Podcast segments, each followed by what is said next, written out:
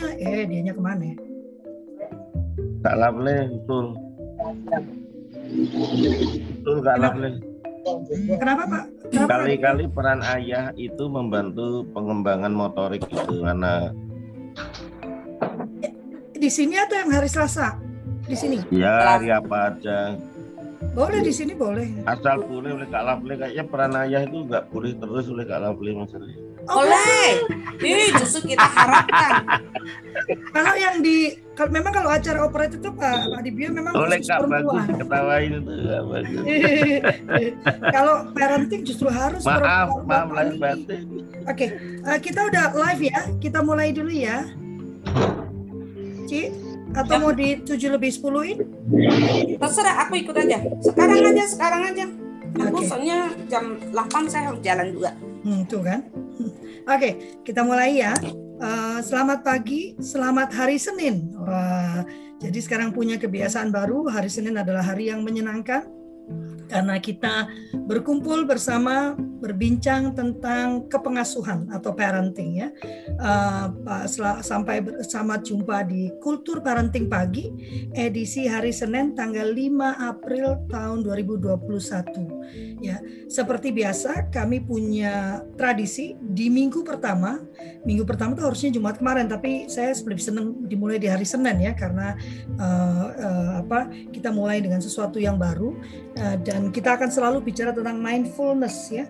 Eh, ternyata pagi ini Cik Meli memutuskan eh, menarik eh, menarik eh, pembicaraan parenting pada eh, hubungan antara suami dan istri karena memang saya juga selalu saya sepakat bahwa keluarga yang hubungan antara ayah ibunya atau juga mantan ayah ibu jadi tetap ya ayah ibu mau dalam pernikahan atau sudah terjadi perceraian itu tetap namanya ayah ibu ya. Eh, apakah ayah ibu atau mantan suami istri ini harus terjadi hubungan yang harmonis agar bisa bersama-sama eh, memberikan kepengasuhan yang terbaik bagi anak-anaknya. Jadi walaupun kemarin saya sempat ragu-ragu serius nih Cik mau ngomongin pernikahan gitu kan Eh, tapi kita sepakat bahwa eh, di dalam pe- kepengasuhan eh, kondisi eh, keluarga itu amat sangat penting. Nah, bagi ini narasumber kita Cik Meli Kiong ya. Kalau Lovely nggak nyambung nanti ya. Silakan Cik Meli. Oke, selamat pagi. Eh, Bapak dan Ibu, terima kasih Bu Erna pagi-pagi Bu Erna tuh yang hadir pertama nanti saya kasih hadiah buku saya ya. Oke, makasih banyak Pak Bagus, eh, ini apa nih Pak Sumahgianto ya, Bu Devi, Pak Slamet, Pak Dibio, Bu Arum, Bu Mulyani, Bu Retno, Bu Ferry, Bu Ulfa, Bu Tuti, Pak Irwan, Bu Eni, Bu Hanim, Pak Daniel. Ya, saya masih bisa sebut namanya. Terima kasih banyak Lovely. Ya memang pasti ini kan akan menjadi pertanyaan orang. Ah hari ini saya eh, nggak perlu ah saya nggak mau datang. Mungkin ini topiknya kayaknya nggak ada hubungan dengan saya. Ya. Nah semua masalah sem- eh semua topik itu pasti ada hubungannya. Ya. Justru saya ini termasuk orang yang curi start sebenarnya. Saya curi start. Lovely. Jadi hari ini saya bukan bicara tentang eh, bagaimana pernikahan saya itu bukan bukan sekarang ini, tetapi bagaimana saya mempersiapkan pernikahan saya sebelum saya menikah. Nah ini yang ini yang nggak dilakukan oleh banyak orang ya. Saya mulai start dari pacaran. Nah kenapa saya lakukan itu? Saya lakukan itu karena di daerah saya, ya di daerah saya, saya beruntung ya saya menjadi anak-anak yang selalu ingin tahu. Ya istilah eh, istilah sekarang itu wants to know aja. Kenapa sih ini? Kenapa sih ini? Kenapa sih ini? Wah, alangkah bahagianya ya andaikan waktu dulu eh, mama saya adalah lovely gitu misalnya. Kan pasti akan banyak sekali sumber yang saya bisa dapatkan. Ya, tapi sekarang saya hitung itu ada beruntungnya juga gitu. Jadi ketika saya tanya kenapa, kenapa, kenapa, kenapa, dan karena nggak ada orang yang bisa menjawab saya gitu ya, akhirnya apa? Saya dari nonton film, saya saya ambil hikmahnya dari ini, saya ambil hikmahnya, itulah sambil ilmu. Akhirnya terbangun, terbangun suatu gambaran gitu ya oh nanti ya ketika saya nanti berkeluarga saya pengen sekali punya suami seperti ini. Saya pengen keluarga saya seperti ini. Itu kebayang nggak seorang Meli Kyong kecil ya sudah memikirkan itu dari saya anak-anak? Kenapa? Karena saya lihat di sekeliling kenapa ya orang tua itu kok nggak bisa bersatu kalau di kampung saya kayak gitu? Mamanya ngapain gitu ya? Mamanya sibuk banget urusin anak-anaknya gitu. Tapi bapaknya tuh enak-enak di warung kopi ngerokok ada yang berjudi ada yang mabok-mabokkan gitu. Jadi itu yang saya lihat ya. Nah kalau ada ada acara pernikahan kalau di kampung dulu kan kalau nikah itu kalau ada yang nikah wah ibu-ibunya sibuk bantuin masak gitu ya gitu. Jadi saya gak pernah ngelihat ada momen-momen suami sama istri itu bersama itu gak ada gitu. Ya dan saya beruntung banget saya bilang satu film yang Little House on the Prairie itu ya itu betul-betul film yang membuat saya seorang Meli Kyung itu berani berimajinasi andaikan nanti saya punya keluarga seperti itu andaikan nanti saya punya anak saya mesti ini andaikan saya nanti jadi istri saya mesti ini. Jadi itu yang saya pikirkan dulu. Tapi saya waktu itu nggak ngerti stepnya harus bagaimana gitu ya. Nah akhirnya uh, waktu saya pacaran itu saya belum belum pacaran deh ya waktu saya mulai anak-anak itu uh, saya saya sampai mikirin gini loh. Eh saya suka ya sama laki-laki itu tapi saya lihat dulu kayaknya keluarganya nggak asik gitu. Saya nggak mau loh itu sampai saya pikir ke sana bayangkan itu ya. Nah terus akhirnya saya bilang eh, karena saya lihat keadaan di tempat saya kok begitu banyak sekali kekerasan-kekerasan yang terjadi apa yang terjadi tahu nggak lovely saya berdoa setiap malam, saya berdoa sama Tuhan. Saya berdoa sama Tuhan. Ya Tuhan, jangan sampai saya dapat jodoh orang Singkawang. Coba bayangkan saya sama minta seperti itu ya. Dan betul-betul Tuhan itu kasihin saya gitu ya. Jadi uh, saya bilang saya harus keluar dari kemiskinan ini. Saya harus keluar. Bagaimana saya bisa keluar dari kemiskinan? Saya harus keluar dari lingkungan ini. Dan benar-benar ya uh, Tuhan mendengarkan saya ya waktu kak nenek saya meninggal terus uh, kami udah nggak ada yang biayain jadi terpaksa saya harus ikut sepupu saya ke Jakarta gitu. Jadi nah dari situ saya terus membangun mimpi saya saya terus membangun mimpi saya gitu ya. Nah saya bersyukur banget saya juga tidak dapat orang uh, di tempat saya kerja itu ya. Saya kira dapat pasangan saya ini pacar saya ini gitu. Nah karena saya dari background uh, keluarga yang yang nggak punya gitu ya, yang nggak punya, kebayang ya. Menurut saya salah satu hal yang penting itu tentang kesetaraan ekonomi. Itu saya saya benar-benar saya tulisin apa aja sih yang penting satu saya minta yang tidak tidak satu kampung saya udah dapet tuh waktu itu ya. Nah, waktu saya SMA itu ada teman yang kaya banget kaya banget deketin saya. Saya nggak suka. Saya terus terang saya bilang saya nggak suka sama orang kaya. Saya bilang kayak gitu ya. Ini kebayang ya itu ya polosnya ya. Tapi buat saya itu penting banget. Kenapa? Saya menikah itu bukan bicara tentang saya dengan pasangan saya tapi saya harus bicara tentang keluarga-keluarga besar saya. Nah, karena saya nonton-nonton film nih ya, sinetron kadang-kadang kalau yang miskin itu diperlakukannya seperti apa gitu ya. Jadi itu uh, apa terbayang-bayang mas saya saya bilang nggak kayak gitu gitu. Jadi akhirnya uh, saya nggak mau lu sama teman saya yang yang punya duit banyak itu gitu ya. Karena apa? Karena saya sangat uh, menurut saya saya mesti mewujudkan itu dengan dengan cara saya gitu ya. Nah akhirnya saya dapat yang yang setara waktu itu uh, suami saya tuh waktu kerja bareng-bareng tuh masih kuliah gitu ya, masih kuliah kebayang ya bapak dan ibu ya mama saya tuh eh apa pacar saya kok datang ke rumah saya ya. Itu pakai uh, jaketnya jeansnya itu sampai yang lehernya di situ sobek kayak gitu. Terus kotor terus uh, sepeda motornya itu uh, apa tempat duduknya itu sampai robek gitu ya gitu. Kalau datang ke rumah saya tuh saya jahit-jahitin saya jahit-jahitin tuh saya bantuin cuci supaya uh, itu sampai mama saya ngomong satu hal sama saya. Li mama itu sudah mendidik eh, mama itu sudah menghidupi kamu dalam keadaan yang susah. Itu mama saya ngomong kayak gitu.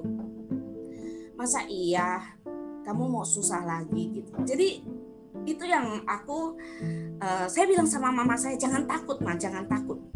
Aku bisa memikirkan yang terbaik buat aku nah sejak saat itu saya bikin statement saya saya bikin bikinin itunya loh. Saya susunin bahwa satu tahun pertama itu betul-betul saya harus mengerti siapa ini. Ya jadi saya kenalan sama dia dulu saya lihat dulu dia seperti apa saya lihat dia semangatnya bagaimana. Itu benar-benar saya pelajarin setahun pertama ya. Saya tidak mau ketemu sama keluarganya. Kenapa?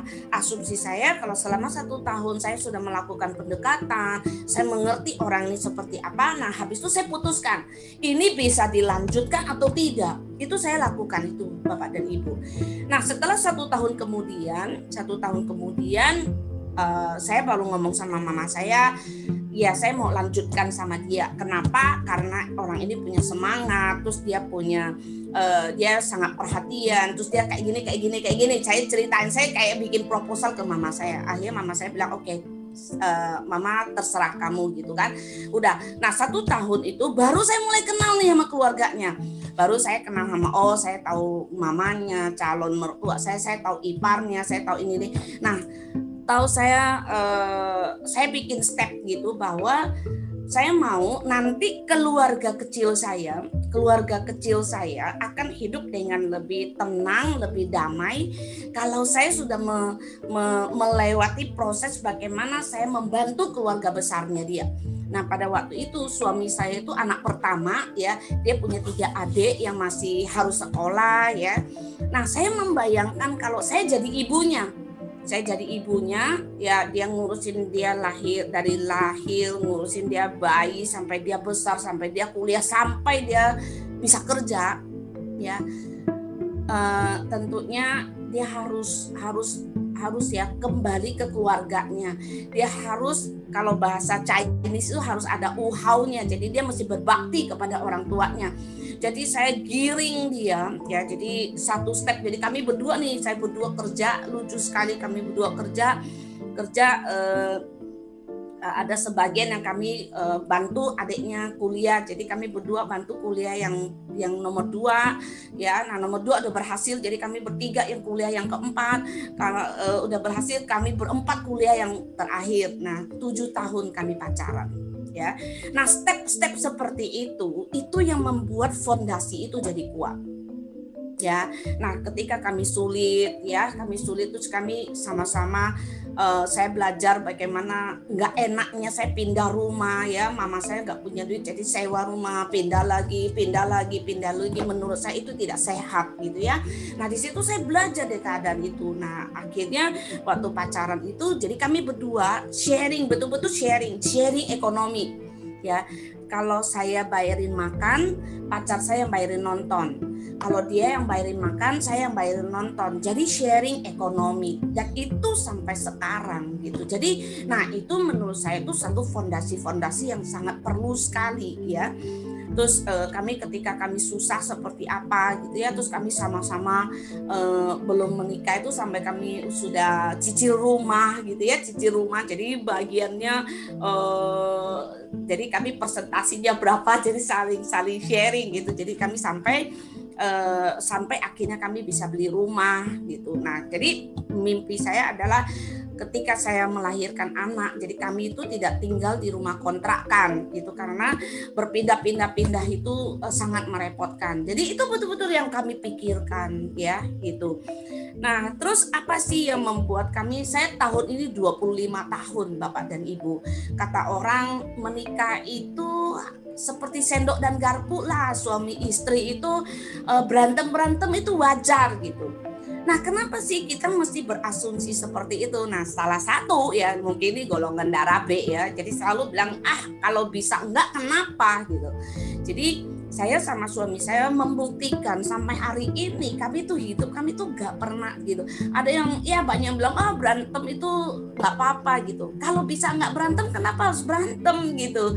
Kan enak kita hidup saling menghargai saling tolerir ya. Jadi banyak banget yang kami lakukan gitu. Nah terus yang yang menarik itu adalah uh, saya punya satu satu konsep yang dasar banget ya. Nah sebelum saya menikahi seseorang gitu ya dulu ya saya sampai berpikir gini, saya harus tahu dulu step-stepnya dan itu yang saya sempat videoin. Jadi nanti boleh lihat di YouTube saya di Meli itu ada empat step. Step pertama adalah bagaimana saya kenali pasangan saya dulu gitu. Dia seperti apa? Relation dia sama keluarganya bagus gak? Oh berarti dia sama papa mamanya bagus, sama adik-adiknya bagus. Berarti step pertama oke. Okay. Nah step yang kedua saya datang sama lihat ke dia bagaimana dia berteman dengan teman-temannya. Saya lihat oh teman-temannya nih oke okay, kayak gini oke. Okay. Berarti step yang kedua sudah lewat ya. Step yang ketiga saya bawa dia ke teman-teman saya Nah teman-teman saya ini loh pacar saya. Jadi teman-teman saya kan kritikus banget tuh semua tuh gitu ya. Nah itu penting banget, itu penting banget. Nanti dia bisa nggak masuk ke dalam dunia saya, saya bisa nggak masuk ke dalam dunia teman-temannya. Ini penting sekali kalau menurut saya ya. Nah dan step yang terakhir adalah saya bawa dia ke keluarga besar saya ada kakek nenek ada om tante ada ponakan ya nah orang ini bisa nggak melebur di situ gitu dia bisa nggak? Kalau dia bisa bapak dan ibu itu itu akan nyaman ketika kita nanti ada acara keluarga ya.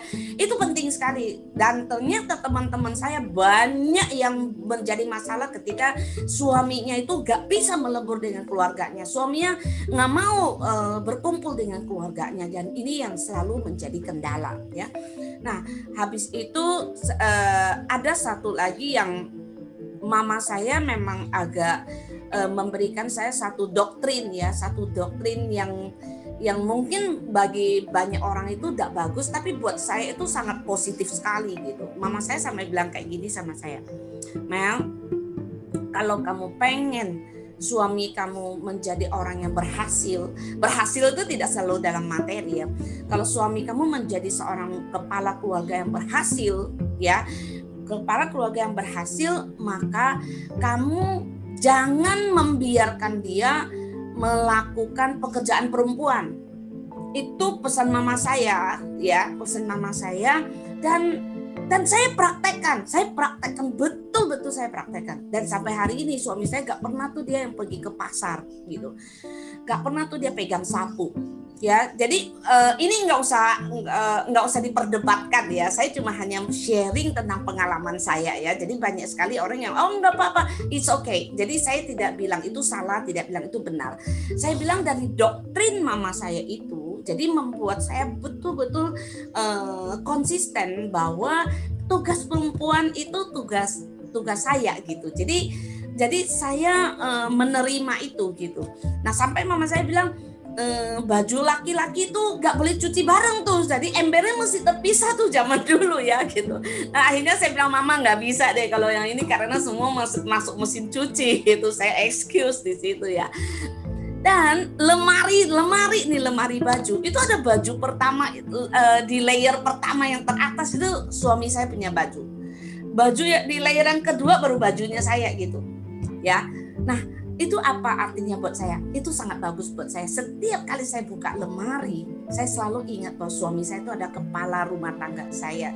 Dia adalah e, kalau kita bicara imam ya, imam buat saya gitu. Jadi e, saya sangat menghormati dia. Nah, jadi apa pun yang saya kerjakan ya, teman-teman ya, Bapak dan Ibu, apa pun yang saya kerjakan itu seizin suami saya.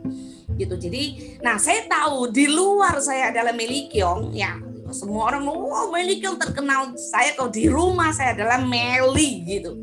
Ya dan dan Meli. Jadi saya gak pernah membawa apa pun bawa ke rumah.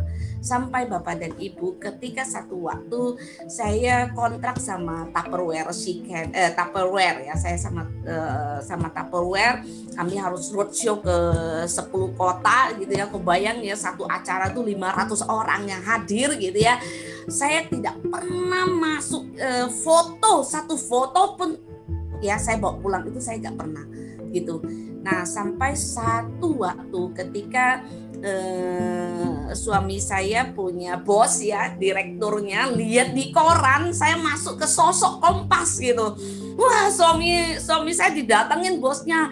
Tatang, tatang, katanya istri kamu hebat loh gitu kan. Begitu dia kasih lihat koran, suami saya telepon saya, Li kamu ada di koran loh kamu ada di kompas loh suami saya bangga ya setengah mati dan saya dengan sangat rendah hati saya bilang oh iya itu sudah sudah apa ya itu udah wawancara yang udah lama gitu ya.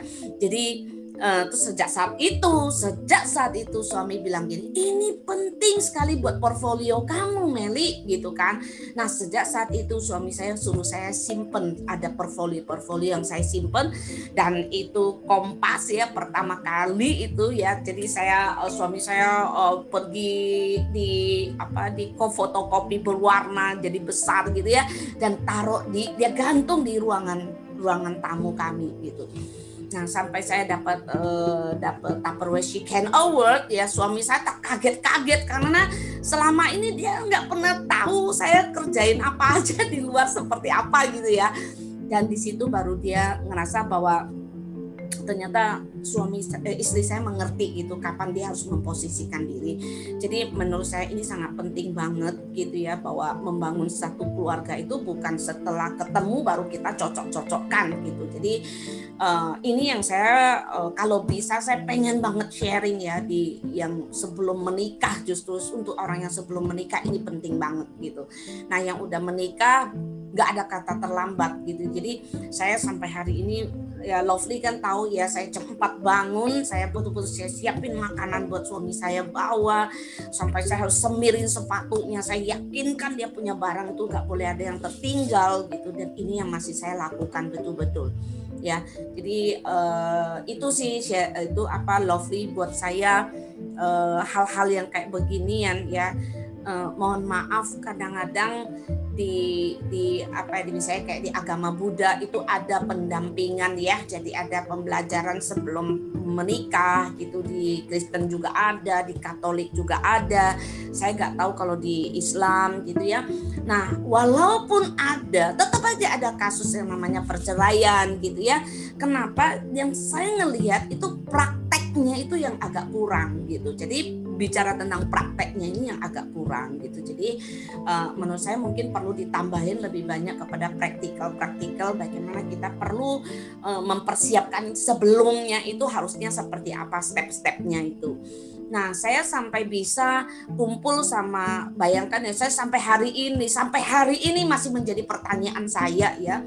Waktu saudaranya suami saya itu dari Cirebon dan telepon nih, telepon. Meli, eh, Om mau nginep dong di rumah kamu gitu karena si si anaknya dia tuh mau lamaran gitu kan. Nah, saya bilang, "Oh, oke okay, Om." gitu. Saya langsung jawab aja gitu ya uh, gimana gitu. Saya saya saya saya langsung jawabnya oke okay. karena apa? Karena bayangan saya orang yang nginep ke rumahnya kita kan pasti ya om tante sama anaknya dua gitu kan. Nah karena rumah saya kamarnya itu uh, saya sendiri satu kamar anak saya satu kamar berdua ada mertua saya satu kamar ada mama saya satu kamar empat kamar itu udah nggak ada gitu. Ya jadi anak saya saya pindahin ke kamar saya gitu. Berarti kan ada satu kamar yang saya bisa lah buat si om ya om tante sama anaknya dua gitu. Oke okay lah saya udah rapiin udah oke. Okay. hari H kebayang nggak hari H ya yang datang ke rumah saya saya terkaget-kaget ada 26 orang. Dia bawa pasukannya lovely ya. Bawa pasukannya 26 orang dan sampai hari ini saya nggak tahu mereka tidurnya bagaimana. Kami pokoknya pusingnya setengah mati 26 orang ya. Padahal ini rumah ipar-ipar saya satu kompleks suruh mereka pisah-pisahin nggak mau. Mereka bilang mangan orang mangan sing penting ngumpul gitu jadi akhirnya kumpul dan mama saya kocok kocok telur tuh. Jadi bikin dadar telur aja gitu. Wah kita cuma bisa makan itu apa aja tuh panggil tukang bubur lah apa gitu semua. Sampai hari ini saya tidak mengerti kenapa eh, maksudnya bagaimana 26 orang itu tidur di rumah saya. Tapi yang paling menarik adalah ya paling menarik adalah bagaimana saya mempersiapkan diri, bagaimana saya menghadapi mertua saya, bagaimana saya membangun relation dengan keluarga besarnya. Justru itu yang sangat-sangat penting sekali. Kenapa? Karena mereka yang akan memagari saya gitu. Jadi kalau ada apa-apa, semua keluarga besar begitu menyayangi saya. Jadi justru hal-hal yang tidak baik itu jarang sekali ada. Karena apa? Karena mereka menyayangi saya. Justru di situlah mereka yang memagari saya. Jadi buat saya itu sangat penting sekali pernikahan itu bukan hanya menyiapkan oh kapan kita akan menikah, undangannya warna apa, makanannya mau apa. Nah umum kan orang mempersiapkan seperti itu ya gitu. Kalau saya tidak, saya persiapkan bagaimana saya harus membangun relation dengan dengan keluarga besarnya, bagaimana ekonomi itu harus kami eh, kami sudah mulai susun sebelum kami kami memikirkan keluarga kami sendiri. Jadi keluarga besar yang sekitar ipar-ipar saya semua sudah sudah terbantukan dulu. Jadi tugas suami saya berbakti kepada orang tuanya itu juga sudah di, di, dilakukan ya. Dan sekarang masa sekarang suami saya bilang pokoknya jadi mama saya, papa mertua, mama saya, mama mertua saya dan mama saya itu tiga orang tinggal di rumah saya berbarengan. Karena nanti ada wujud bahwa kami itu mesti berbakti sama orang tua pada saat mereka hidup, bukan saat mereka meninggal. Ya kira-kira seperti itu sih Lovely. Thank you. Mudah-mudahan ini bisa sedikit memberikan inspirasi ya. Jadi buat Bapak dan Ibu yang sekiranya misalnya ya ada di uh, seperti Bu Arum ada yang di dunia perempuan yang mungkin anaknya Kak Yanti ini saya seneng banget itu si Fitri yang membawa banyak anak-anak muda. Justru menurut saya sebelum menikah itu yang perlu ya itu sangat perlu sekali ya kalau punya punya uh, bisa hubungan ke apa studi bio ke BKKBN buat anak genrenya ya. Terus yang Kementerian Agama menurut saya step before ya. Jadi sebelum menuju ke pernikahan itu yang jauh lebih penting. Daripada kalau udah sampai udah menikah udah ribut udah pusing gitu baru mencari solusi sometimes ya, menurut saya itu agak sedikit sulit ya. Kira-kira kayak gitu lovely. Terima kasih. Ada Ci, ada Teh yang Cianti. ada Teh Yanti, Teh. Teh, Teh, mana Teh Tehku? Teh, ada di situ kah? Ataukah hanya gambar doang? Ada, ada. Oh, kita mau ambil alih? Enggak, menyimak aja. Lagi sakit perut. Iya, dari kemarin kok sakit perut nggak sembuh-sembuh. Iya. Ya, menarik sebetulnya kalau menurut saya ya, karena uh, secara budaya memang demikianlah seorang istri itu uh, ditanamkannya ya uh, walaupun Lovely bercerai tapi ya waktu menikah ya semua itu yang dilakukan. Nah, ya cerai juga. Jadi ada beberapa uh, semua teori yang disampaikan Ki Meli juga dilakukan. Tapi memang uh, hasil itu kita hasil itu sudah ada di tangan Tuhan ya. Kita memang hanya bisa berusaha dan Tuhan yang menentukan hasilnya.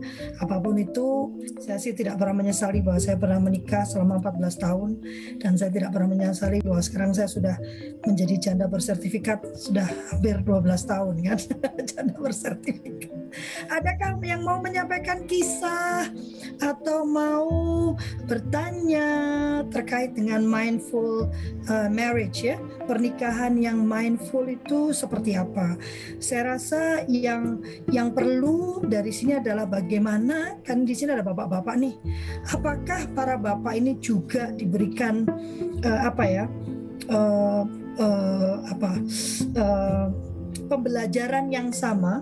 Karena kalau dulu saya ya kalau saya capek terus ibu saya kan mijet tangan saya gitu ya kalau saya capek belajar gitu. Karena saya dulu nggak punya buku banyak jadi saya sering kali mencatat. Jadi tangan tuh sering capek ya. Lalu ibu saya nanti mijet dia bilang lovely ini nanti kalau suamimu capek ya. Kalau dia pulang kerja tangannya capek ini di sini caranya kamu uh, memijat sampai begitu ya. Semua tindakan yang dilakukan ke saya pasti dikontakkan ke nanti. Kalau kamu punya suami begini ya uh, caranya. Kamu kalau punya suami itu harus bisa masak gitu ya. Nah, yang dia suka itu kamu harus paling nggak bisa memasaknya. Kalau nenek saya semua buku yang dibaca oleh suamimu itu kamu juga harus baca supaya nanti bisa diajak ngobrol lah pokoknya susah lah pokoknya ya sengsara aja makanya 11 tahun saya masih mikir mau nikah lagi kan ada yang mau bertanya kah Bapak-bapak, apakah bapak-bapak juga diberi, disampaikan begitu dan apa yang disampaikan kalau para ayah ini? Ini banyak, para ayah ini kenapa terdiam semua ya? Kenapa terhenyak dengan ceritanya Cimeli atau gimana? Nah, Pak Suma, Pak Suma, silakan Pak Suma. Ya, terima kasih. Salam kenal Mbak, apa, Mbak Meli Keong dan Mbak Loveli. Uh, saya dari Tuban, uh, penggiat perlindungan anak. Jadi saya hanya sharing saja banyak sekali memang angka di Tuban itu kekerasan rumah tangga itu sangat tinggi. Ya mungkin saya mendasari memang awalnya itu ada perjodohan, ada ke, apa tidak ada kesepakatan persakatan sebelum pernikahan sehingga kasus-kasus yang muncul itu sering kali uh, awal muasalnya memang uh, hanya sekedar suka sama suka tapi tidak di planning begitu. Jadi berimbas kepada anak, terutama terutama ini pada anak. Anak menjadi korban ini yang sering kita tangani bersama Pak Kak Selamat yang ada di kebetulan juga ikut di sini. Itu juga aktif di perlindungan anak. Jadi barangkali eh, sekolah atau sekolah atau rumah eh, pranikah itu memang harus ada di setiap tiap uh, bisa jadi di setiap kecamatan atau di setiap desa itu harapan saya harus ada. Jadi untuk para remaja atau yang mau menganjak uh, pernikahan itu harus ada semacam sekolah begitu atau semacam pendidikan pranikah. Jadi mungkin itu juga bisa membantu uh, ke depannya nanti hmm, yang mau berumah tangga sehingga nanti dampak keluarganya itu lebih baik, lebih bisa tertata dan anak-anaknya juga bisa menjadi yang eh, anak-anak uh, yang sukses dan tentunya dampaknya nanti ketika berumah tangga juga akan menjadi keluarga-keluarga yang uh, berbahagia begitu. Mungkin itu mungkin uh, saya menyimak baru pertama kali soalnya ketemu Mbak Lovely sama Mbak Meli Keong ini. Terima kasih. Oh, ya, terima kasih banyak. Kak sudah bergabung dengan Lembaga Perlindungan Anak? Ya, betul. Oh, di LPA ya? Ya betul di LPA. Di bawah Kaseto? Kak Seto betul. Saudara dong kita. Kemarin kita mengadakan ini loh, pelatihan relawan ikut apa enggak? Gimana? Pelatihan relawan kemarin ikut enggak? Uh, belum belum. Kebetulan yang aktif itu di saya di Kapit Perlindungan Anak. Kapit uh, Kapitnya saya. Nanti silakan mengisi absen ya supaya saya bisa berkontak lebih lanjut ya. Pak Ska Selamat juga ya. Nanti itu ide bagus itu membuat uh, di tingkat karena Sparta itu kan tingkat kecamatan ya tingkat RT ya. Jadi kemarin kita membentuk relawan Sparta itu di tingkat kecamatan kan tingkat RT kan. Jadi kita bisa mulai dari tingkat RT bahkan kan uh, pencegahan ya. Uh, nggak cuma mengamati dan menyelesaikan masalah tapi melakukan pencegahan. Silakan Cimeli Ya, terima kasih banyak Pak Suma. Senang sekali kalau bapak-bapak udah peduli ya. Ibu itu lebih mudah. Terus terang aja itu yang selalu saya bilang kalau bapak-bapak yang memulai dulu pasti uh, ibu-ibu perempuan tuh karena di Indonesia itu masih menempatkan bahwa laki-laki itu memang jadi pemimpin ya. Kalau bapak peduli itu luar biasa sekali. Nah, saya uh, kenapa waktu kemarin Lovely uh, bingung ya kok pakai bicara tentang pernikahan. Saya selalu menyampaikannya kayak gini.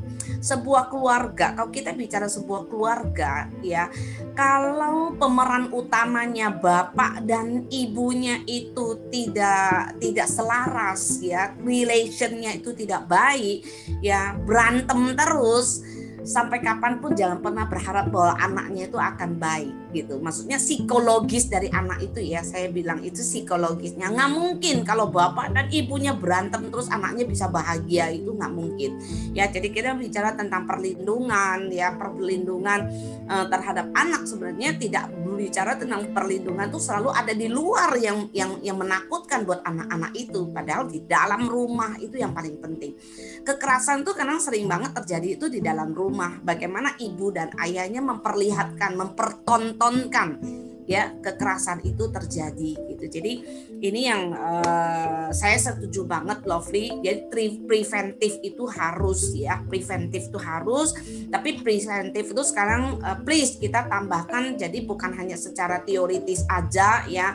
Uh, saya tuh selalu berharap bahwa lebih banyak kita libatkan praktisi karena setiap orang punya cerita ya, setiap orang punya cerita, cerita yang baik dari Lovely, cerita yang baik walaupun ya tadi saya kalau nganggap uh, ngangkat uh, apa ya sedikit aja dari Lovely itu pesan mamanya itu luar biasa sekali loh.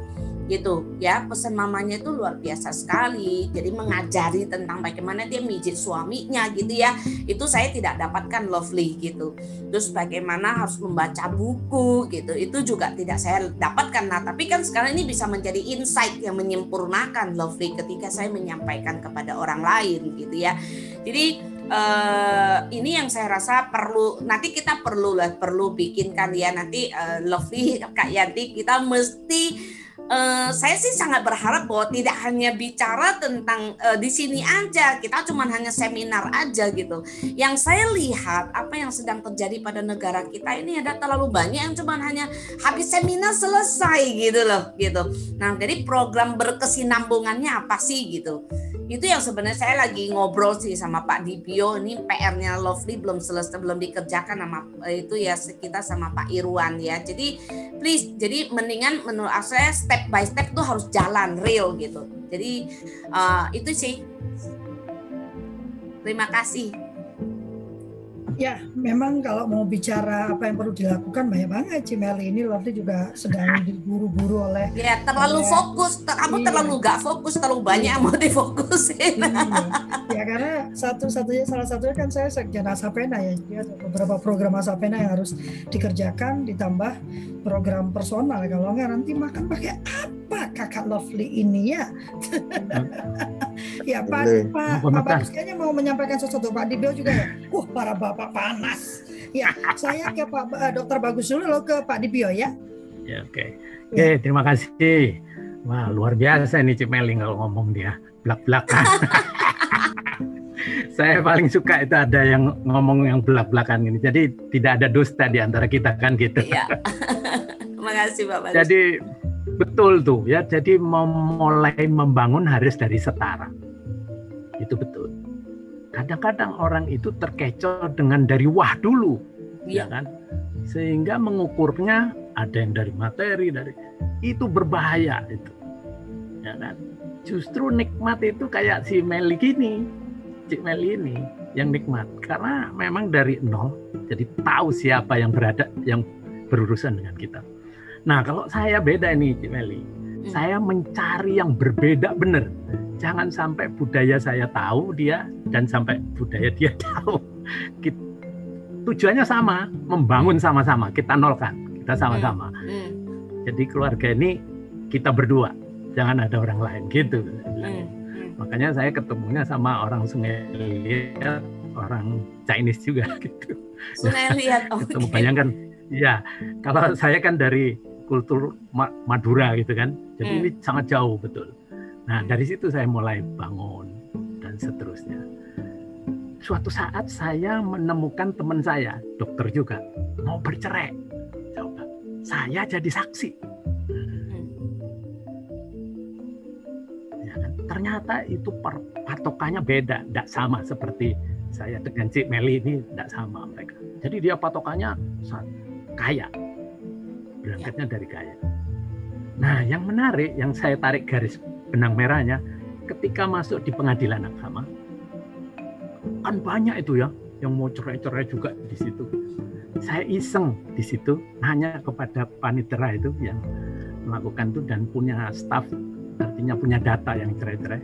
Saya tanya mereka-mereka yang cerai ini tolong saya minta datanya apa pribadinya. Ternyata ya karena saya seorang dokter saya berpikir, wah ini vestibuler yang dia bangun terhadap kehidupan dia masing-masing itu ternyata nggak sama. Jadi betul ini si Meli ini mengambil orang yang vestibulernya sama. Sebetulnya keseimbangan menghadapi gravitasi buminya sama. Sehingga nggak ada saling keras kepala nggak ada. Ya. Itu saling melebur akhirnya. Tapi kalau udah ada gangguan vestibuler, yang satunya normal, wah itu setengah mati mempertemukannya. Ya kan? Oleh karena itu saya langsung terpikir, wah saya harus memulai dari vestibuler, ya kan? melakukan parenting kepada orang tua di usia-usia dini, ya. karena dampaknya ke yang ke yang tua. Saya kira ini yang saya sampaikan di forum ini mudah-mudahan Cik Meli sama saya nih udah satu arah nih. Ya, terima kasih. Ya. ya, terima kasih banyak Pak Bagus. Saya setuju sekali. Uh, waktu itu siapa yang ngomong ya Pak Anil apa siapa? Saya lupa banget. Dia bilang hmm. bahwa kalau fondasi rumah ini, kalau fondasinya itu kuat, itu rumahnya akan kokoh ya gitu. Tapi kalau fondasi hmm. sendiri gak kuat, itu uh, akan sangat sulit sekali. Hmm. Ya. Nah, jadi ketika saya sama suami saya tuh boleh bilang saya mau ngomong nggak pernah takut nanti orang ketawain saya ya. Tapi memang benar kami tuh nggak pernah berantem gitu. Ya sampai hari ini betul-betul uh, kami tuh masih merawat banget. Kalau suami saya kalau mau pergi kerja itu masih dicium-cium gitu, mau tidur masih cium gitu ya.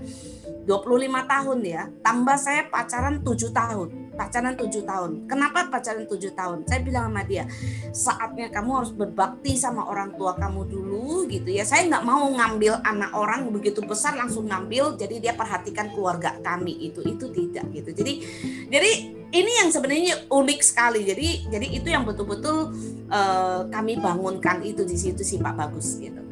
Ya, terima kasih Pak Bagus. Kayaknya kita udah boleh nyusun sebuah modul langkah kecil gitu ya untuk yang pranikah nih Pak. Nanti kita pikirin ya Pak Bagus. Ya, oke. Okay. Ya, terima kasih. Ya, okay. ya Pak Dibio. Kakek ke Pak Dibio. Kakek. Baik, terima kasih. Saya hanya melengkapi saja tadi sudah disampaikan oleh bapak-bapak yang lain yang luar biasa. Memang pernikahan ini kan unik ya harapannya kan sekali menikah bisa berlangsung selamanya. Karena kalau pacaran itu kan selalu janji cinta saya sampai mati gitu ya. Sebelum mati saja udah ditinggal juga itu sering terjadi seperti itu. Hanya ucapan saja. Nah, memang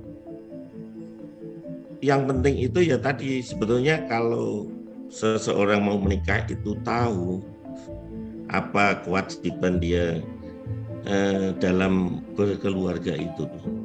Dalam keluarga itu kan orang harus tahu fungsinya membentuk sebuah keluarga. Dalam eh, dalam literatur itu kan disebutkan ada the rule atau the function of the family. Itu sangat berpengaruh nanti kalau seseorang itu membentuk sebuah keluarga. Harapannya tadi seperti Pak Wasiman tadi, Pak Gianto itu dan Pak Bagus ya sebelum menikah itu harusnya dia tahu kan ilmunya kalau bisa. Idealnya seperti itu. Jadi tahu sehingga dia tahu fungsi sebuah keluarga. Jadi cinta itu tidak cukup ya untuk modal untuk membentuk rumah tangga. Jadi ya. harus tahu fungsi-fungsi yang lain. Ada Betul. fungsi cinta kasih, fungsi perlindungan, fungsi apa ekonomi, fungsi pendidikan. Karena kalau hanya fungsi cinta saja, fungsi ekonominya nggak jalan, nanti mau belanja pakai cinta kan nggak mungkin. Belanja kan pakai ekonomi dan ya kan Pak Bagus ya. Jadi semua itu eh, harus itu ya. Yang kedua memaintain memaintain itu kan tidak mudah. Jadi setelah start itu memaintain itu juga banyak faktor yang ber, bermain di situ. Termasuk orang tua masing-masing itu juga berperan besar itu. Kalau orang tuanya tidak mengerti apa-apa tentang pernikahan ikut-ikut dalam pernikahan anaknya itu juga jadi persoalan. Harusnya kan orang tua itu sebagai pendamai, tidak memihak kepada anaknya salah satu. Itu juga jadi persoalan itu. Ya. Jadi kalau bisa orang tuanya itu justru itu memihak itu kepada bukan anaknya, tapi kepada mantunya itu kalau bisa sehingga mantunya itu merasa ada keadilan pada dia gitu. Jadi dia dianggap sebagai anaknya juga gitu ya. Jadi nanti anaknya sendiri dibisikin aja sendiri. Eh tadi sebetulnya begini begini tindakannya ini gitu ya. Jangan melakukan konfrontasi di antara dua anak kita. Ya kita harus sayangi bahwa itu dua-duanya menjadi anak kita ya. Itu itu yang penting. Nah suami istri itu juga harus saling mengisi melengkapi tadi di chat itu saya juga baca itu kak siapa tadi yang menyampaikan juga itu ya. Jadi harus saling mengisi dia. Kita tahu salah satu itu punya kelebihan punya kekurangan. Nggak ada yang sempurna. Jadi mungkin perempuannya mempunyai kekurangan ya diisi oleh suaminya. Suaminya kekurangan diisi oleh. Jangan melihat kelebihannya terus. Ya pasti uh, nanti suatu saat kan anu itu dan yang berikutnya itu uh, ini ya trust itu kan harus dimunculkan ya dalam berkeluarga itu kepercayaan itu jadi nggak ada saling menutupi dalam ini dan trust itu ketahuan ya seseorang itu ketahuan itu kalau sudah berkeluarga kalau berpacaran itu indah semua pasti. Apalagi bapak-bapak itu cowok itu ya. Itu nggak punya duit pun pinjam-pinjam itu supaya kelihatan punya di mata pacarnya itu. Itu seperti itu. Nanti ketahuannya kalau sudah beristri, dia nggak punya apa-apa sebetulnya. Ini jadi persoalan. Nah itu harus diketahui dari awal. Ini ini yang jadi persoalan kalau sudah berumah tangga ya. Jadi makanya itu saya waktu pacaran itu jangan dilihat indahnya saja. Karena kalau secara psikologisnya Pak Irwan itu kalau perempuan itu kalau masih muda gitu ya itu maunya cakep aja. Wah ya bang penting cakepnya gitu ya. Dia nggak mikir tanggung jawabnya itu. Kalau sudah perempuan itu menginjak dewasa mulai berpikir cakep aja tidak cukup. Tapi tanggung jawabnya gimana dan seterusnya. Makin tua begitu ya. Makin tua nggak pacaran pacaran lakunya udah 30 ke atas ya udahlah siapa saja yang penting dia mau sama saya gitu. Itu biasanya akan begitu itu. Ada psikologi seperti itu. Ya seperti itu. Jadi intinya adalah pertama tadi sebelum menikah dan kemudian merawat pernikahan itu juga penting. Saling mengisi adalah suatu hal yang sangat penting ya. Itu saya kira itu Kak Lavre dan Temeli jadi tidak ada seorang yang sempurna. Yang penting itu itu harus diingat itu. Gak ada yang sempurna. Semua harus saling yang mau saya tekankan ya, yang mau saya tekankan terima kasih. diskusi. Ya, terima kasih kakek. Yang yang perlu ditekankan adalah uh, yang disampaikan Cimel itu luar biasa karena itu uh, sebenarnya pengajaran di setiap agama dan juga yang diajarkan di setiap budaya. Celakanya adalah uh, budaya itu tidak melakukan perimbangan kepada laki-laki ya ini tadi yang saya harapkan saya ingin bertanya gitu kan. Karena yang berproses selalu perempuan yang menjawab di dalam chat ya. Uh, bagaimana budaya itu melakukan perimbangan? Saya senang sekali dengan pernyataan Pak Bagus. Kalau Pak Bagus selalu ditarik dari keilmuan dia tentang uh, tentang uh, keseimbangan uh, apa uh, keseimbangan apa tadi Pak? Aku selalu lupa fiti itu apa? Keseimbangan apa? Vestibuler vestibuler ya vestibuler, vestibuler vestibulernya. Saya selalu lupa aja VT itu apa. Ya, nah ini masanya bu menurut saya ini masanya gitu lewat kultur parenting kita melihat dari kehidupan pernikahan kita gitu kan dan tidak melanggengkan apa yang keliru dalam uh, pernikahan kita atau dalam budaya di mana kita dibesarkan. Itu yang itu pesan yang menurut saya paling penting. Pada saat saya melakukan semua itu tapi tidak diterima dengan imbang tadi kata Kak Pak, Pak Bagus ya, tidak diterima dengan imbang, maka terjadi ketimpangan dan itu memberikan tekanan yang luar biasa kepada perempuan, gitu kan? Karena kalau dibaca di Alkitab mana pun, pada perempuan dituntut untuk melakukan kepatuhan, tapi pada laki-laki juga ada tuntutan, nggak nggak mengatakan kamu adalah imam, kamu adalah kepala, maka sudah selesai ya. Kamu imam, kamu kepala. Semua hak dan uh, keistimewaan ada padamu. Salah. Justru dikatakan kamu adalah imam, kamu adalah kepala. Tanggung jawab besar ada pada laki-laki. Sehingga perempuan itu diciptakan Tuhan untuk menopang dia dalam rangka dia melaksanakan tanggung jawab besarnya. Jadi tanggung jawab perempuan nggak kalah besar.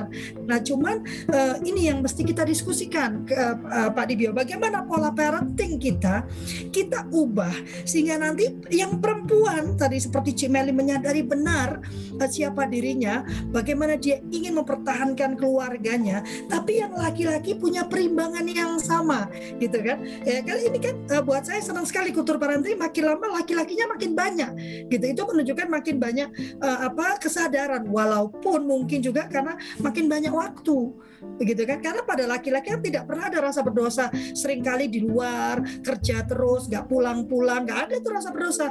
Kalau pada perempuan langsung aja oh itu ibu yang tidak mencintai anaknya egois hanya memikirkan dirinya sendiri. Sementara belum ada tuh kata-kata ih bapak itu egois sekali tiap hari meeting tiap hari keluar kota. Kata-katanya ya kan bapak cari uang. Nah ini kan ketidakperimbangan ya ketidakimbangan ini kan. Sementara dalam teori parenting mana pun peran peran ayah itu sama pentingnya kalau tidak bisa dikatakan jauh sangat penting dibandingkan peran perempuan benar nggak Pak Bagus? Dalam teori mana pun yang saya baca, terutama anak dari kecil sampai besar tadi Pak Pak, Ya. Pak Dibio menyatakan Lovely, kenapa nggak pernah bicara tentang peran ayah waktu melakukan motorik kasar misalnya gitu kan? Ya iya itu nanti akan kita bicarakan sa- satu persatu gitu ya, ke- karena memang peran laki-laki itu penting banget. Cuman eh, di dalam pertumbuhannya, jadi kalau waktu saya terakhirnya bercerai saya tidak tidak marah sama suami saya. Dia adalah korban dari pembentukan budaya yang keliru gitu kan. Eh, para lelaki yang ada sekarang yang tidak menyadari perannya itu perlu kita kasihani. Dia perlu dirangkul, perlu dijangkau karena dia tidak pernah mengalami eh, eh, apa pe- pembelajaran tersebut. Saya tertarik sama Pak Irwan nih. Udah ada Pak Irwan tuh. Itu wajahnya udah wajah garang banget tuh pasti udah penuh di, di atas di kepalanya. Ayo, Irwan. Benar kan? Lovely benar kan? Ya. Enggak ya Pak Irwan? Apa itu? Hah? Ada yang mau disampaikan nggak? Tadi tadi Pak, lo kenapa nggak otak di belakang? Ya mikir aja begini.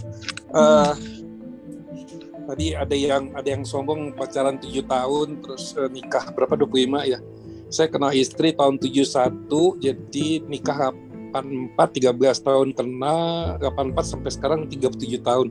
Alhamdulillah masih baik-baik saja dan semoga baik-baik saja. Eh, saya teringat tahun 76 saya masuk fakultas psikologi. Saya belajar eh, tentang developmental psychologist dari Elizabeth Harrop gitu ya. Dia katakan marital justice itu ada beberapa faktor. Yang pertama yang tadi banyak dibahas gitu ya. Yang pertama faktor eh, S, S itu adalah sukses suami dalam pekerjaan. Aneh ya. Ini teori barat loh Elizabeth bukan eh, maksudnya juga mungkin benar Kak ya. Sukses suami itu dalam pekerjaan pekerjaannya kan dia banyak rules ya rules sebagai kepala rumah tangga rules pekerjaan di kantor dan seterusnya setelah gitu juga ada masalah eh, urutan urutan dalam keluarga ya SU urutan dalam keluarga saya dapat anak pertama saya sendiri anak ketiga ya. Ya artinya istri saya sebagai anak pertama mungkin dia dominan untuk mengatur adik-adiknya dan seterusnya dan seterusnya gitu ya. Saya anak ketiga anak pertama tadi dapat perhatian anak kedua cari perhatian keluar anak ketiga mungkin oposisi gitu ya terus setelah itu juga minat yang menentukan gitu. Minatnya sama nggak? Satu minat singkong satu minat keju gitu ya. Setelah itu pengalaman seksual katanya demikian. Artinya mungkin bukan pengalaman bagaimana mungkin juga masalah pengetahuan tentang seksual itu. Sehingga mungkin punya aspirasi atau ekspektasi tertentu gitu ya. Setelah itu eh, eh, umur ya.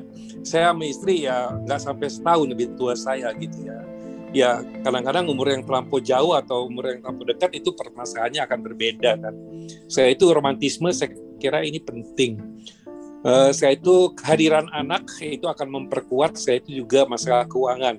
Nah rata-rata memang eh, yang saya ketemukan ada permasalahan-permasalahan dalam keluarga itu muncul karena itu saya sendiri dari sekian teori yang saya rasakan yang memperkokoh hubungan saya dengan istri itu adalah istri saya itu percaya sama saya. Saya sebagai tentara di psikologi sering banget Sabang Merauke sudah saya ini. Eh, saya sebagai orang pusat tawaran dari sejadah sampai haram jadah gitu ya. Mau apa aja ya semacam saya dipentingkan begitu ya. Tapi istri saya itu sangat percaya trust yang tadi dikatakan Kadipio ya. Trust itu. Nah, justru karena trust itu saya nggak mau menyalahkan menyalahgunakan trustnya itu gitu loh. Dan itu yang memperkuat sampai sekarang gitu ya. Sampai sekarang bahwa ya udah eh, kamu yang pertama dan terakhir gitu aja. Eh, saya kira ini ini berbagi saja yang nggak tahu mudah-mudahan relevan dengan bahasan kita pagi ini. Terima kasih. Keren banget. Terima kasih Pak Dibio keren banget Pak Irwan ya. Jadi betul kan lovely gitu. Sebenarnya eh, ya kita memang sesuaikan juga dengan budaya. Pak tadi bukan sombong ya tujuh tahun ya. Tidak sombong. canda dong canda Tapi ini memang maksudnya aku lebih tua gitu Ya tahu udah lebih tua. Ya setuju sekali gitu ya Pak Irwan. Kalau kita bicara tentang saya saya tadi narik mengenai relation antara eh maksudnya eh, hubungan ya. Maksudnya suami saya anak pertama nih status ya. Suami saya anak pertama, saya anak terakhir. Jadi itu itu memang memang menurut saya itu ada hubungannya. Karena gini, suami saya kan dia yang selalu kan ngur- ngaturin adik-adiknya gitu ya. Nah sementara saya tuh kan yang paling kecil yang selalu di di digencet tuh di, di, di apalagi di, di Chinese ya. Senioritas tuh luar biasa sekali. Saya tuh kakak saya tuh bisa perintah saya ke sana ke sini. Saya tuh kayak jongos banget gitu ya. Jadi saya ke sana ke sini ya habis pokoknya saya disuruh-suruh deh gitu. Nah, ketika saya me- menikah gitu ya, saya tuh menempati bahwa eh, saya tuh bisa memperhatikan gitu. Jadi saya benar-benar eh, saat saatnya yang yang saya yang yang lebih lebih bagaimana ya ke suami saya gitu. Sementara suami saya tuh kan selama ini kan selalu ngurusin adiknya gitu ya. Nah dia tuh butuh diperhatikan gitu, butuh, butuh dilayanin kayak gitu. Nah jadi mungkin ini juga ada ada hubungannya ya. Setuju eh, Pak Irwan, saya juga ngerasakan seperti itu. Nah teman saya suka bilang kayak gini. Eh, saya sebenarnya di komunitas kami sekarang pun saya bilang sama teman-teman gitu ya bahwa jangan merasa bahwa itu ada hal kecil ya. Hal kecil sekedar cuman hanya eh, beresin kalau suami saya mau pergi pergi nih bajunya pakai apa celana dalamnya apa semua kaos kakinya pakai apa saya semirin sepatunya. Teman saya dulu yang perempuan pada ngomong kayak gini lah dia kan udah dewasa masa nggak bisa sih kayak gitu sendirian? Gitu kan Nah ternyata ada suami teman saya tuh menikah 24 tahun itu gak pernah berantem karena nggak pernah ngomong. Komunikasinya mereka tuh nggak bagus gitu. Nah sejak saat itu dia baru mendapat inspirasi. Iya ya ternyata iya. Jadi dia coba dia siapin baju buat suaminya. Nah dari situ suaminya bilang saya nggak suka baju itu dia taruh lagi gitu. Oh dia nggak suka dia lihat lagi di situ dia pelajarin. Oh ternyata dia cocoknya yang seperti itu. Selama ini dia nggak perhatikan gitu. Nah mulai dari situ oh dia sukanya kayak gitu. Nah besok dia taruh lagi. Maaf ya kemarin ternyata kamu nggak suka nggak suka baju kayak gitu. Dia disingkirin baju yang dia nggak suka. Mulai dia gitu dari situ ternyata 23 tahun 23 tahun dia baru mulai membangun, membangun ya ya yang relation komunikasi yang selama ini terhambat gitu. Jadi positioning, jadi dia menempatkan suaminya tuh sangat jadi kayak bapak sama anak gitu. Nah akhirnya dia mulai mulai naik ke atas dan suaminya mulai agak turun ke bawah. Di situ baru dia merasakan bahwa kehidupan keluarga itu harusnya seperti itu gitu, setara kesetaraan itu dan segi ekonomi dan sisi pendidikan ya. Jadi menurut saya itu sangat penting banget. Ya lovely. Ah, ini bagus banget nih. Perlu di, di- di- dibaca nih dari Ya, mana Bu. jam- Ya, Silakan. udah jam 8 lebih ini Teh Cik. Oh iya iya iya oke oke. Iya. Ini, ini Bu, Bu Un ini eh, sahabat saya juga ya. eh, Bu Untari. Ya. Oke. Ini jarang-jarang dia muncul nih. Nasihat papa saya sebelum saya menikah adalah selamatkan pernikahan itu dimulai dengan cara sebagai dua orang yang penuh saling berbagi daripada dua orang yang kosong saling mencari pemenuhan dari pasangannya. Ya, bagus banget. Bagus banget. Thank you Bu Untari. Itu memang eh, menurut saya ya, menurut saya itulah kenapa saya memulai kultur parenting, eh, sorry, memulai operet ya. Eh, saya sendiri gagal di pernikahan karena saya yang eh, kosong, mulai dari luka ya, dimulai dari luka dan mencari pemulihan dari hubungan saya dan itu memberi beban yang luar biasa sehingga tadi Pak Pak Mesah ya, Pak Mesah ini kan eh, apa eh, eh, chatting saya ya, saya setuju bahwa sebetulnya kalau ada kata-kata you complete me. Itu menurut saya uh, uh, uh, sesuatu yang yang keliru ya. You complete me itu membuat nanti kita menganggap me- menganggap pasangan kita tuh sosok sempurna yang melengkapi kita. Sehingga nanti pada saat su- pasangan kita tuh melakukan kekeliruan atau kesalahan akan sulit bagi kita untuk menerima bahwa dia sudah melakukan kesalahan. Itu salah satu persepsi keliru konsep keliru yang saya pegang waktu saya waktu saya menikah ya kan saya pikir wah suami mantan suami saya itu oh, laki-laki yang sangat pintar sudah pasti ya. Sangat pintar sangat dia membaca banyak hal dan dan dan apa bisa menjawab hampir semua pertanyaan saya. Sehingga saya terkagum-kagum gitu kan. Tapi itu juga tidak dimulai dari dari apa dari dari dari kebodohan ya. Karena rasa tidak percaya diri tadi ke Pak Pak Irwan tadi menyampaikan percaya gitu kan. Percaya saja. Saya kok lebih senang menyatakan kalau kita percaya pada diri kita kita tahu bahwa kita berharga maka mudah kita mempercayai pasangan kita gitu kan. Nggak apa nggak keluarga, nggak takut-takut. Nah, ini yang Lovely pun sampai sehari ini masih berusaha mengembangkan diri Lovely menjadi uh, sosok yang mencintai diri sendiri yang yang tahu bagaimana uh, apa mempercayai bahwa saya berharga. Cik uh, uh, penutup nanti bisa kita ulang mungkin ya. Cimel ini uh, kami bersepakat satu bulan sekali paling tidak kami uh, kami menjadi narasumber, uh, jadi tidak mau mengundang uh, tamu. Silakan Cik.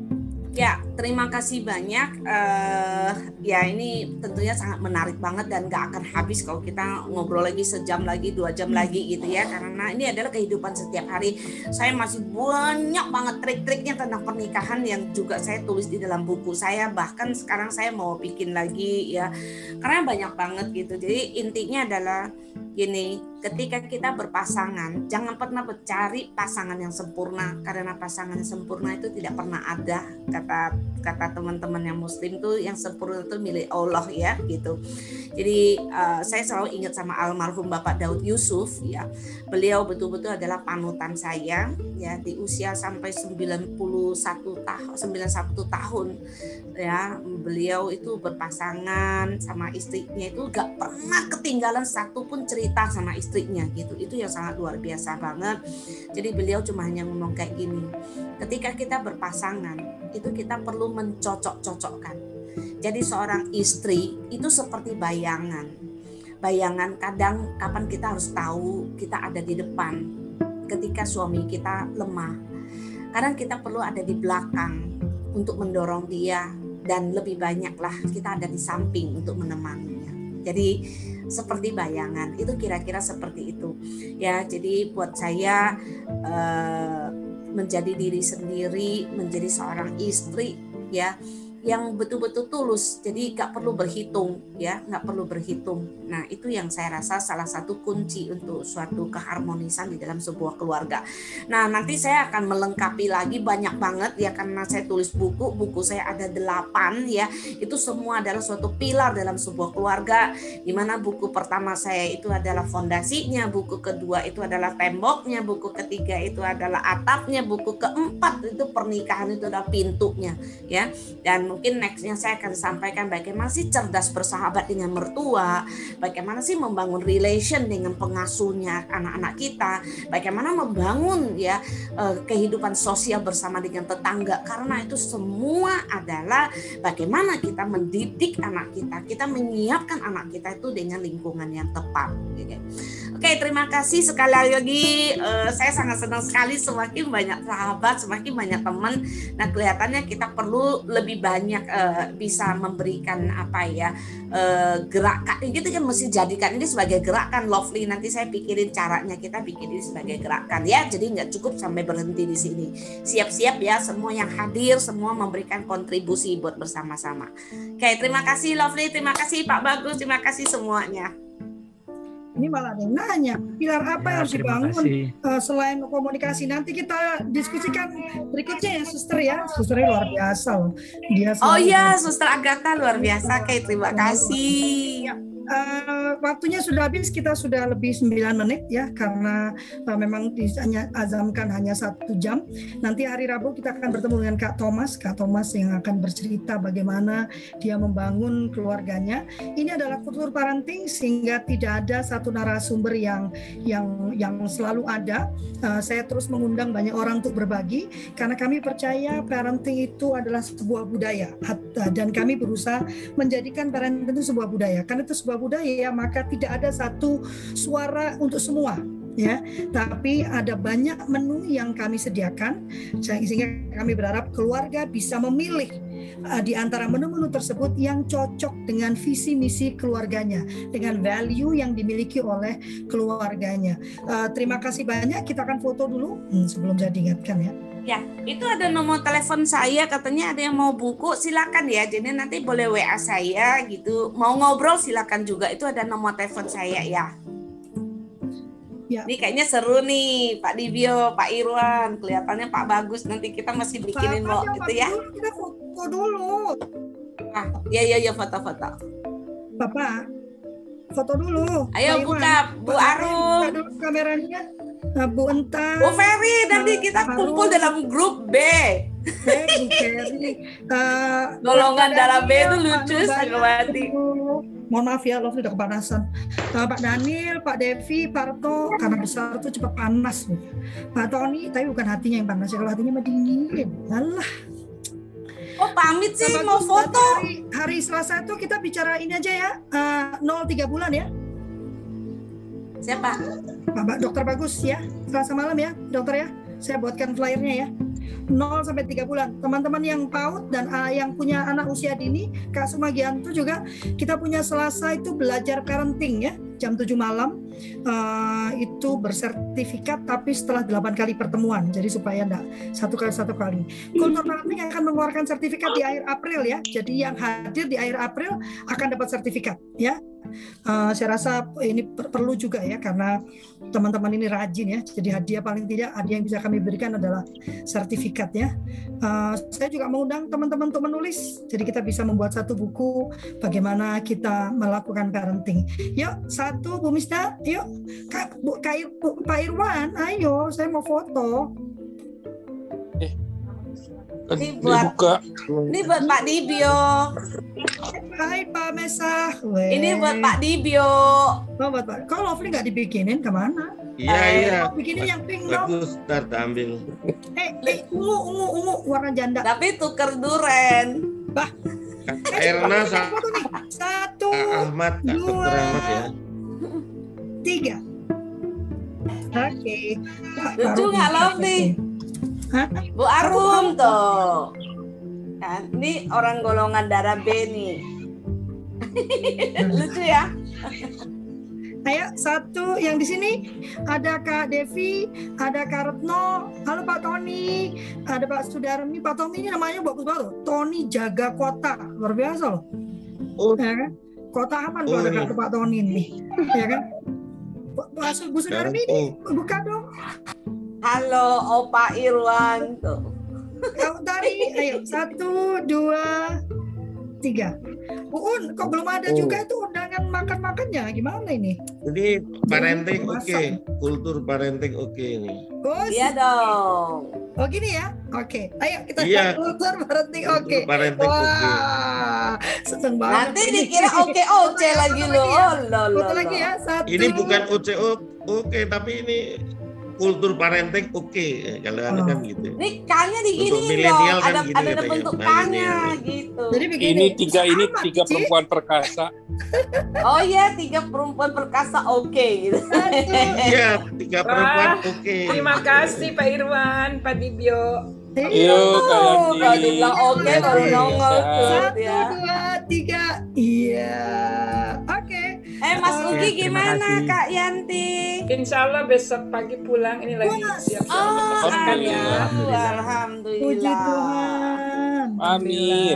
Pas 10 Alhamdulillah hari. Kak Yanti. Halo, terima kasih ya semua teman-teman. Makasih Cimeli, Oke. luar Kamu biasa. Amin. Kamu jadi kayak Kak Seto. Bagus lah. Ini dari kaos kaki, dari kaus kaki bekas loh tuh. kayak Mio. Kayak Milo. Milo. Oh. Oke, saya tutup ya. Terima kasih Ya, banyak sampai bertemu di hari Selasa ada acara untuk perempuan. Eh, kita punya kultur metamorfosa eh, menemani perempuan menjadi sejatinya dirinya. Jam berapa Wah. sih? Tapi hanya untuk perempuan ya, jam Eh 9 jam pagi. berapa? Jam 9. Bismillah. Tadi sarannya Kak Mesah juga bagus tadi. Ya, saya sudah saya sudah menantang Kak Mesa tuh. Ayo kita membuat acara untuk untuk para lelaki memulihkan dirinya, menemukan fasilitasi tapi jangan Lovely yang ngomong nanti katanya kamu ngerti Ada apa. Pak Dibio, ada Pak Bagus. Ah, di- Tapi yang mudanya siapa ya? Ada aja Kak laki. Thomas. Eh Ada- nanti kalau dia bilang bikin buat laki-laki perempuan nggak boleh hadir loh, ya loh. Jangan roomnya aja, gak apa-apa. Eh, Itu Oke bagus oke. itu. Oke, sampai ketemu hari Ya Selasa makasih jam Pak 9 Suma, pagi, makasih Pak Rabu jam 7 Slamet, pagi. Bu Ferry, mohon maaf apabila ada pernyataan yang keliru, ya breakout room aja. Di hari yang sama jadi ya. Oke, udah kayak ini dong pemisahan. Bye. Sampai ketemu lagi.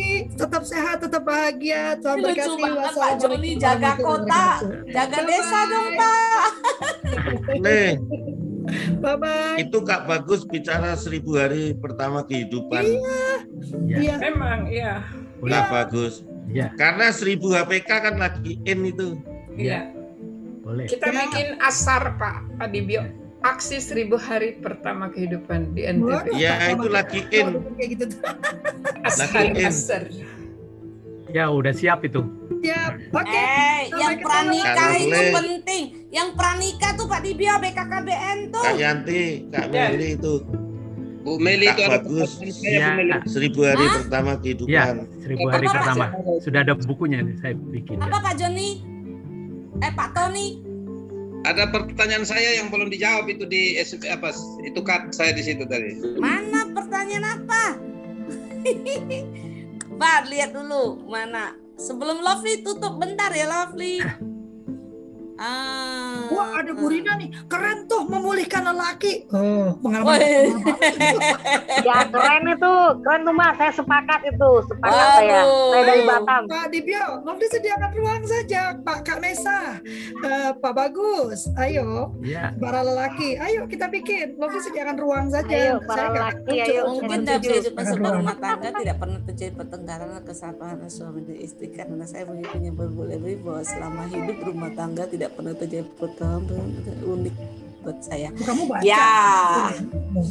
Enggak, ini tulis itu Pak Tony bilang gini, mungkinkah dalam kehidupan sebuah rumah tangga tidak pernah terjadi pertengkaran atau kesalahpahaman antara suami dan istri? Karena saya mengikuti penyampaian publik. Ah, Tak Ya. mungkin.